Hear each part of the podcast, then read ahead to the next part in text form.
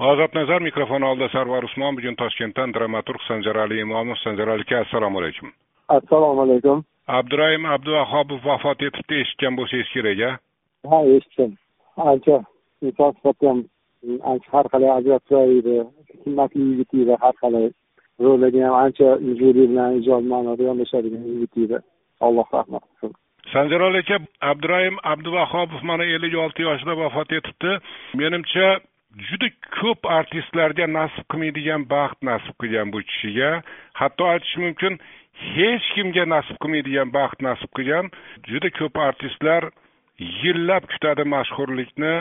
Ba'zilar keksaygandagina taniladi lekin abdurahim abduvahobov oldin tanilib keyin artist bo'lgan artistlardan. To'g'rimi? To'g'ri ha. O'sha shumbola shumbola roli bilan. faqat shumboladan tashqari bir to'rtta beshta rollari bor edi. O'sha maktabda o'ynagan o'sha suyunchi deymizmi keyin o'sha to'ylar muborakdagi epizodlar rollar bilan esda qolgan uni rollari haqiqatdan. O'ziga xos aktyor edi shumbolamiz hayotda qanday edi? Ijodiy ma'noda abduraim bilan biza bitta asarim bo'yicha kelgan. O'sha ikki ming beshinchi yilda milliy teatrda sahnalashtirilgan dada demayman degan pyesamda o'sha bosh qahramonlardan biri prokuror rolini ijro etgan edi. Shu nuqtai e, nazardan ijodiy tomondan qaraydigan bo'lsa ijodda ancha e, injiq aktyorlardan edi. Albatta bu ijobiy pozitiv ma'noda. Shuning uchun har bir rolga to'g'ri kelgan rolni ham o'ynab ketavermasdi albatta nomi chiqqan keyin ayni paytda ham komik ham dramatik rollarni ijro etadigan aktyor e, sifatida bu aktyorlar ham har qalay anchagina asar rolni tanlab tanlab ijro etishardi. Man uni insoniy sifatini bitta jihatini ko'rganimda teatrga borganda ba'zi bir xil teatrni ichki bir tashkiliy ishlarini bexosda guvohi bo'lib turardik. Shunda yoqub aka direktor bo'lgan paytida har doim kam ta'minlangan bir aktris aktyormi aktrisa bo'ladigan bo'lsa shu eng birinchi bo'lib e, yordam qo'lini cho'zadigan o'sha mablag' tomondanmi biron bir tomondanmi berib ayniqsa o'sha aktyorlarni ichida ham o'sha e, pulni kattagina summasini abduraim berganini shu eshitganman shohidi ham bo'lganman. Demak o'sha sal kambag'alparvar yigit ekanda degan tushuncha qolgan edi. Juda noyob xislat ayniqsa hozirgi paytlarda ayniqsa hozirgi nuqtai nazardan qarasak ancha kamyob holat. Bu bundagi bunaqa fazilatlar. Shu tomondan ham o'ylaydigan bo'lsak ancha inson faqat o'zini roli bilan emas o'zini insoniyligi bilan o'zini hamiyatliligi bilan ham e, ibrat bo'ladigan bir inson va ijodkor edi deb o'ylayman marhumlar abdurahim abduvahobov televideniyada ham mm, bir muddat ishlab yurdi. Teleboshlovchilik qildi. Ha shunaqa osona ko'rsatilgan bir boshqa qilib yurdi endi. Umuman taniqli e, eli og'zida yurgan aktyorlarni ham albatta o'sha televideniyalarda ham ko'rsatuvi mashhur ommabop bo'lishi uchun ham shu abduraim abduvohid e, darajasidagi ampulasidagi aktyorlarni chaqirishadi u nimada. Ayniqsa uni rollarida esda qoladigan yana biri o'zi o'sha baxt deb aytdingiz yoshlarni qilganda? Shu yanglishmasam bir bir o'ttiz mingdan ortiq tanlov e'lon qilingan ekan deb eshitgan edim o'shanda. Haligi o'sha biza paytda bir o'n o'n ikki yashar bor edik. O'sha paytda ham bir bitta og'aynim ham o'sha nima roliga borib e, nima bergan ekan proba bergan ekan. Kastingdan o'tgan. Kastingda shu juda katta kasting o'tkazilgan. Shuni rollarni ichida shu abduraimov munosib topilgan va shu uzoq izlanilgan iste'dodli bolalarni ichidan haqiqatda eng munosibi bo'lib deb aytilsa tan bu ijroga haqiqiy sazovor bir e, nomzodligini o'zini isbotlab ketgan undan keyin uni birinchi marta eng katta yirik rollardan biri milliy teatrda chimildiq rolidagi shu e, spektakldagi e, kuyov roli ham judayam esda qoladigan sodda do'lg'or bir paytni o'zida ham komedik ham dramatik e, bir e, xarakterni o'zi yorita olgan bir e, ijrosi bilan ham tanilgan edi. Afsus bunaqa aktyorlarimizni endi bu umuman bunaqa iste'dodlar bir bir tug'iladiyu lekin bizani hozirgi muhitimizda bunaqa tug'iladigan aktyorlarni endi tasavvur qilish qiyin ekan ruslan aytadiyu не заменимых не бывает degan gapi boru yo'q shunaqa insonlar bor ularni zaminasi bo'lmaydi axir. Bu ijodda ham adabiyotda ham san'atni qaysi turi bo'lsa bo'lishida ham shu hattoki shu muxolif e, shaxslarni o'rtasida ham ularni o'zi ham o'rni bo'lishi qiyin ekan.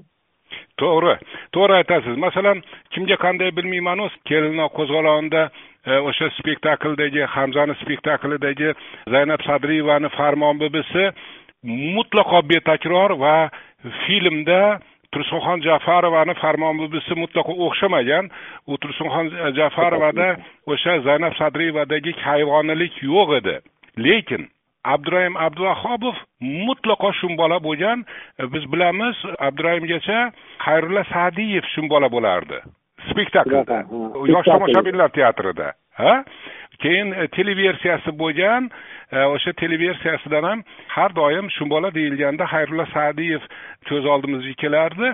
Abdurahim abduvahobov kinoda o'ynagandan keyin mutlaqo yangi shumbola va tomoshabin qabul qilgan shumbola tan olgan shumbola bo'la olganda.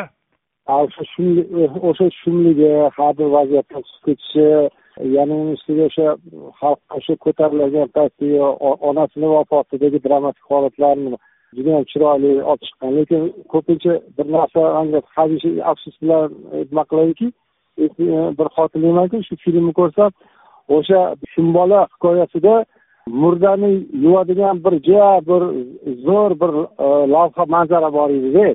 Aynan shu narsani ijrosini o'sha aynan abdurahimni ijrosidagi shu sahna e, kartinaga kiritilganda edi. U endi juda bir boshqacha bo'lardi. U dunyoni hech bir mamlakatida bunaqa hayotiy bunaqa tabiiy favqulodda bir kamyob hodisa bo'lgan bir lavha ham kirib qolgan bo'lardi. Afsus bilmadim nimaga kino ijodkorlari bu lavhani sahnaga kiritmadi juda ajoyib nima bo'lgan bo'lardi millat madaniyatini bir imorat deydigan bo'lsak abdurahim abduvahobov o'sha imoratga o'zini bir katta g'ishtini qo'yib ketdi. Oxirati obod bo'lsin. Keling endi kunni boshqa mavzulariga o'taylik. O'zbekistonda xususan namangan viloyatida bir yangi eksperiment o'qituvchilarni jazolash to'g'risidagi eksperiment. Jazolashga oid. Hmm. agar bundan buyon ommaviy ommaviy jazolashmi qanaqa? Ha ommaviy ommaviy bo'lyapti. Bundan buyon maktablar svetofor bo'lar ekan qizil sariq yashil. Qizil maktablar o'qituvchilari hozir olayotgan oyligini ellik foizini olar ekan sariq maktablar o'qituvchilari yetmish besh foizini olar ekan yashillar yuz foizini olar ekan endi qanday qilib svetoforga aylanadi? Agar o'quvchilari juda kam kirsa oliy o'quv yurtlariga u qizil maktab bo'lar ekan ko'p kirsa yashil maktab bo'lar ekan faqat bu yerda endi e, namangan viloyat e, xalq ta'limi boshqarmasi aytmagan raqamlarni aytmagan. Masalan o'ttizta bitiruvchidan o'ttiztasi kirsa yashil bo'ladimi yoki o'n beshtasi kirsa yashil bo'ladimi? Yoqdimi sizga bu eksperiment? To'g'rimi shu? Yo'q yo'q yo'q to ochig'ini aytsam sizni bu gapingizdan keyin nima edi kuysamiki yig'lasam degan vaziyatdan boshqa narsani tushunmayapmanda eng qizig'ligi qarang bu endi nima prezident e, qarori bilan bo'lyaptimi yo hokimni nimasi ko'rsatmasi bilan bo'lyaptimi bu? Yo'q bu xalq ta'limi mudiri darajasidagi gap. Ogohlantirish xati beribdi. Prezident mirziyoyev o'tkazgan bir selektor yig'ilishidan keyin shunaqa tashabbus bilan chiqibdi xalq ta'limi boshqarmasi ha ha ha ha. Tushunarli endi bu bundoq olib qarasangiz niyat o'zi aslida yaxshi niyat. Haligi o'ylab topilishi yomon emas lekin amalga oshirish haligi e, e, nimasi sharti bu judayam kulgili holatda bo'lib qolyaptida endi to'g'ri. Bu yerda o'qishga kirsin oliy ma'lumotli nimalar xalq orasida ko'paysin degan niyat bilan qilinyapti lekin amalga oshirilayotganda uni imkoniyati qanaqa? Endi qarang bizada avvalambor o'sha malakali kadrlarni yetishtira oladigan o'qituvchilarni o'zi qancha ekan shuni? Buni avvalambor agar shu narsaga jiddiy yondashilganda edi e, agar shunchaki mana ko'rib qo'yinglar endi mana bunaqa mana bunaqa bo'ladi degan narsalardan ko'ra haqiqiy imkoniyatni hisobga olib qo'yib mana bu o'qituvchi mana buni kvalifikatsiyasi shunaqa ishlash e, malakasi mana shu ahvolda javob beradi aynan shu o'quvchiniga qo'yilayotgan talabga ham kelib chiqiladigan bo'lsa shu o'qituvchi mas'ul bo'ladi. Hop shu o'qituvchi mas'ul bo'lishi uchun unga qanaqangi imkoniyatlar o'sha mas'uliyatiga yarasha unga qanaqangi rag'batlantirishlar bo'lishi kerak uni bazasi qanaqa bo'ladi unga to'lanadigan maosh qanaqa bo'ladi? Endi bundan tashqari hajaral akada bundan tashqari hatto hatto siz mana o'qituvchini saviyasi baland bo'lishi kerak deyapsiz. Endi qarangda agar o'sha maktabga fan nomzodlari fan doktorlarini professorlarni olib borib qo'yganda ham boshqa omillar ham borku oilani o'zini qadriyatlari oilani o'zini rejalari yoki oliy o'quv yurtlarida joylarni yetarli yoki yetarli emasligi umuman jamiyatni oliy ta'limga munosabati va hokazo va hokazo degan boshqa omillar ham borku nima uchun maktab o'qituvchisi javobgar bo'lishi kerak bunga? Shuni tushunmayapman men. Buni haligi eng kulgili tomoni chetdaki yerda o'sha siz aytgan omillarni oilaviy muhitda oladigan bo'lsak oilaviy muhit butunlay boshqacha bo'lishi mumkin. Misol uchun judayam bir haligi ziyoli bo'ladigan bo'lsa balkim uni chet ellarda o'qishi lozim topar. Balkim uni otar otar qo'yib bo'ladigan bo'lsa u umuman e, oliy o'quv yurtiga kirishi umuman hol emas. Balkim shu keyin qolaversa umuman hozirgi iqtisodiy sharoitimizni o'ylab qaraydigan bo'lsak odamlarga hozir ilm olishga bilimini oshirishga yuqori kvalifikatsiya mutaxassis bo'lib yetishib chiqishga bo'lgan ayniqsa viloyatlardagi ahvollarni oladigan bo'lsak bu juda yam e, achinarli ahvollar. Balki oila an'anaviy qandaydir e, avloddan avlodga qoladi qolayotgan bir o'ymakor ustalar oilasidir. Unga nima keragi bor? Albatta albatta. Agarda bordik shu ahmoqonaroq deb aytadigan bo'lsak kamroq ahmoqonaroq bir bo'lganda boshqa variant qo'yishi mumkin edi. Xo'sh. Aytaylik o'qishga ariza ariza bilan topshirilgan o'qituvchi abituriyentlarni agar shuncha foizi agar shu falonchi pistonchilardan bo'lgan oddiy insonlarni bolasi kirmasa oliy o'quvni o'qituvchilari agarda jazolanadi deyilganda bu kamroq ahmoqonaroq bir vaziyat bo'larmidi deymanda bu bilan bir qadar korrupsiya va maorifdagi korrupsiyaga barham berishda bir urinish bo'larmidi deyman fikringizdagi dahshatni qarang. Ahmoqona usul bilan kamroq ahmoqona usuldan bittasini tanlayapsiz. Albatta. Boshqa variant yo'q. aqlli aqlli usul yo'q. Endi yo'q endi o'zi aytadiyu rahbaring qarg'a bo'lsa yemishing go'ng bo'ladi deydiyu endi o'shanga qarab fikrlaymiz endi. Hozir shu doiradan tashqariga qanaqa chiqib ketamiz shuni shuni aytmoqchiman yo'q endi qarg'a deb qarg'a deb agar suhbatimizdan kelib chiqadigan bo'lsak namangandagi amaldorni aytyapsiz. Bilmaychimi agar shu taklif bilan kim chiqqan bo'lsa siyosiy ma'noda o'shanga borib yetasiz deyapti. Mana endi sakson oltinchi yil o'sha temur xotinda aytgan narsa hozir ham borda bizada aytadiki mana deydi maktabga bolalar maktabga bormadimi desa e, maktab qayerda hozir hamma daladayu deydi. O'shaning uchun aytadiki mana bu temir deydi temir hamma dalaga desa hamma dalaga chiqib ketaveradi keyin qo'chqor toyiga aytadi yo bu degan temir xotin ham bizani o'zbek xotinlarga o'xshagan bizani xalqqa o'xshagan ekanda deydi hamma dalaga desa va emizikli onalar bolasini tashlab ketadi. Maktab o'quvchilari o'qishni tashlab hammaga dala dalaga chiqib ketaveradi deydi. Hozir ham bundoq olib qarasangiz o'sha e, aytilgan shu hassos fikrlar hozir ham dolzarbligicha turibdi. Shundoq bo'lganki boyagi maktabga maktabda haligi e, dalaga e, paxta terimida qovun qilayotgan o'qituvchi u bechora u maktab o'quvchisini qanaqa qilib oliy yurtga tayyorlay oladi. Hech qanaqangi bir o'sha tayyorgarlik bazasi yo'q bechora o'qituvchilarga shunaqangi mas'uliyatni qo'yishi uchun haqiqatda juda ahmoqona bo'lishi kerak. Yo'q o'zi o'zi o'qituvchi bir to'rtta so'm pul olsa ha? Shunaqa shuniyam endi ha ha. Shuniyam endi o'quvchilaring oliy o'quv yurtiga kam kirdi deb ellik foizini ushlab qolmoqchi bo'lsa. Tushunmadim bunday eksperimentni oxiri nima bilan tugashini. Hech narsa bilan tugamaydi mana ko'ryapsizmi hali bu nima bu fikr biladiyu bunday davrada o'tirsangiz bitta gapni gapirib qo'ysa e, alpon bitta gap gapirib qo'ysa gapingiz siz yo'g'u o'ylab gapirgin deysiz. Bari o'sha paytni o'zida. Endi u butun bir viloyat darajasidagi bunaqa bo'lgan bo'lsa bilmadim kimga yoqaman degan prezident yoqaman deganmi bechora mudirmi kim bo'lsa ham o'sha paytda. Mana mana shunaqa kimgadir yoqish uchun go'yoki qanaqadir bir tashabbus bilan chiqayotgan bo'lishi uchun bir yengil yelpi bir yuzaki miyasi kutilmaganda kelib qolgan xom xayollarni tasavvur odaticha ko'pda bizada. Tajriba uchastkasi. Maktab maktab tajriba uchastkasi degan narsa bo'lardi. Bolaligimizda maktabda o'qiganimizda shunaqa bo'lib qolyaptida. Endi bu bu endi insonlarni ustidan tajriba qilinyaptida pedagoglar ustidan hamma gap shu yerda ko'pincha biron biza bir ishga amal bir eksperiment qiladigan bo'lsak tajriba qiladigan bo'lsak endi bu yerda hozir o'sha nimani o'qituvchi bechorani u xuddi eksperiment qilinyaptida bu yerda ho'p boshqa mavzular virusdan yaxshi saqlanyapsizmi virusdan saqlashga saqlanganmiz mana biz ham dala hovliga oilamiz bilan qochib kelganmiz boshqalar ham mana kelishyapti nimasini kelganlar kelyapti ketolmayotganlar ketolmayapti.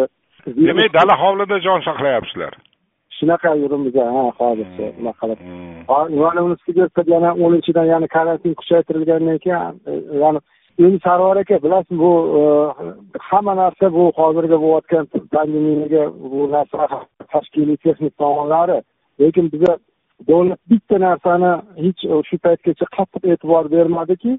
E, bitta o'shani buxorodagi nima bo'lganini gapirib o'tdilarki endi bo'ldi bu yoqqa bir yoqadan boshqamiz bahamjihat bo'lamiz degan bir to'g'ri gap gapirildi lekin uni xalqqa orasida bu pandemiyaga bo'lgan bizani axloqiy munosabatimiz hech qoniqarli darajada deb aytib bo'lmaydida. Mana buni ayniqsa axloqiy har bir har bir kishini shaxsiy bir mas'uliyati deng javobgarligi.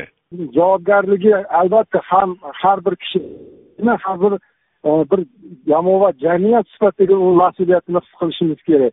Endi bilasiz man bir e, dindor odam sifatida bu narsani har bir narsani bilasiz bir Э, bir yaratuvchini bir yuborgan bir sinovi bir sifatida bir qabul qiladigan odamman boringki bu ana o'sha laboratoriya tarzda e, bir e, nima qilingan bo'lsa ham o'ylab topilgan bo'lsa ham degan gumon bilan bo'lgan taqdirda ham o'sha odamni ham bir sababchi sifatida yo'llagan deyman. Bu bilan nima demoqchimanki o'sha boshida bir e, o'sha ijtimoiy tarmoqda chiqqanda aytgandiki bu butun bir insoniyatni boshiga kelgan bir sinov haligi kuchli kuchsizni yeydigan zamon darajasiga kelavergandan keyin zo'ravon ojizga zug'umini o'tkazadigan bir avjga chiqqan bo'lganligi uchun ham o'sha shohga ham gadoga ham har bir insonga bir xilda sinov bo'lib keldi bu narsa. Biza shu narsani tushunishimiz kerakki insonlar og'ir sinov yillarida bir biri bilan yaqinlashgan jipslashgan insoniylikni eng yuksak bir namunalarini ko'rsata bilishgan. O'sha ulug' vatan urushi paytlarida deymiz boringki o'sha yettinchi asrda mm, payg'ambarimizni haligi mm, saodat e, asri yuz yillik asridagi asrida insonlar bir biriga himmati oqibatini nihoyatda yuqori cho'qqisini ko'rsatishgan. Asli insonlarni o'sha mm, maltusni bitta gapi borda aytadiki inson insoniylik mohiyatini anglab yetish uchun har har ellik yilda urush qirg'in bo'lib turib yigirma o'ttiz milliondan odam qirilib turishi kerak. O'shanda insoniylikning asl mohiyatini tushunib yetadi degan bir gapi bor.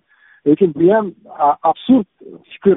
Lekin albatta. bo'lsa ham judayam real fikr aytib ketgandi shu o'z paytida. Mana hozir qarang boshida biza fransiyada uncha odam bo'ldi bu yoqda buncha bo'ldi bizada munchagina bo'ldi deb yurgan edik.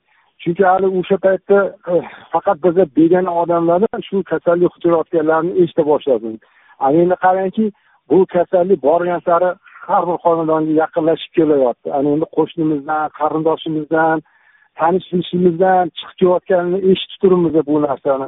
Qo'shni mamlakat vahimali tus olayotganini bilyapmizki biz shu narsadan oddiy bir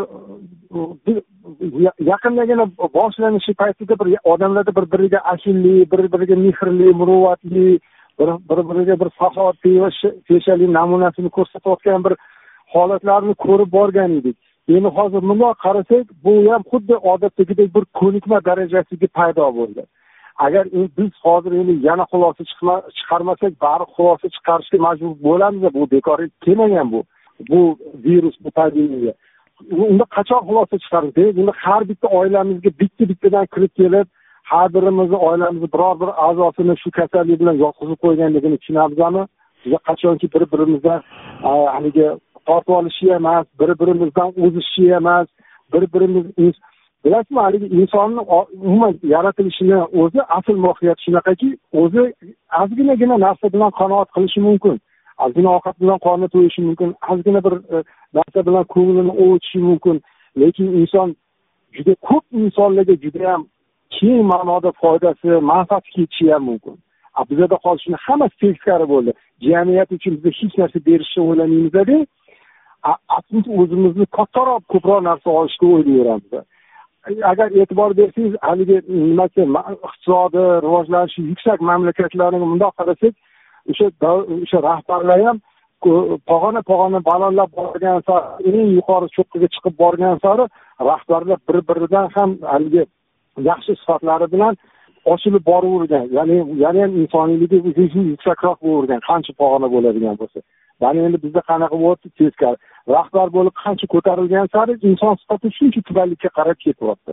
Shunaqa mamlakat bo'lgandan keyin albatta bu virus o'zini fojiaviy tomonlarini ommaviy uni natijalarini ko'rsataveradi. Biz toki shu narsani inson inson uchun yashashi kerak degan narsani tilda emas amalga shu narsani yo'lga qo'ymas ekanmiz. Buni albatta birinchi bo'lib prezident boshchiligi shu narsani amalga oshirishi kerak. O'zlari aytgandek bu avvalo hammamiz o'zgarishimiz kerak. Bu narsani o'zimdan boshlashim kerak derdilar. Mana shu narsani o'zlaridan boshlashlari kerak atroflaridan boshlashlari kerak. Agar shu narsani prezident agarda shu birinchi bo'lib o'zidan namunani ko'rsata bilsagina bu yoqda xalq o'z o'zidangina moslashib ketaveradi. Chunki ibrat bo'lib birinchi shaxs ko'rsatilib turgandan keyin albatta o'zgaradida xalq ham. Tushunarli. Yaxshi gaplarni aytdingiz va koronavirus mavzusida fikrlaringizni boshlar ekansiz. Jipslashishimiz kerak dedingiz. Men shu joyda paradoksal fikrni aytmoqchiman. Ayni paytda aynan shu kasalga qarshi jipslashish emas ayri ayri turishimiz kerak.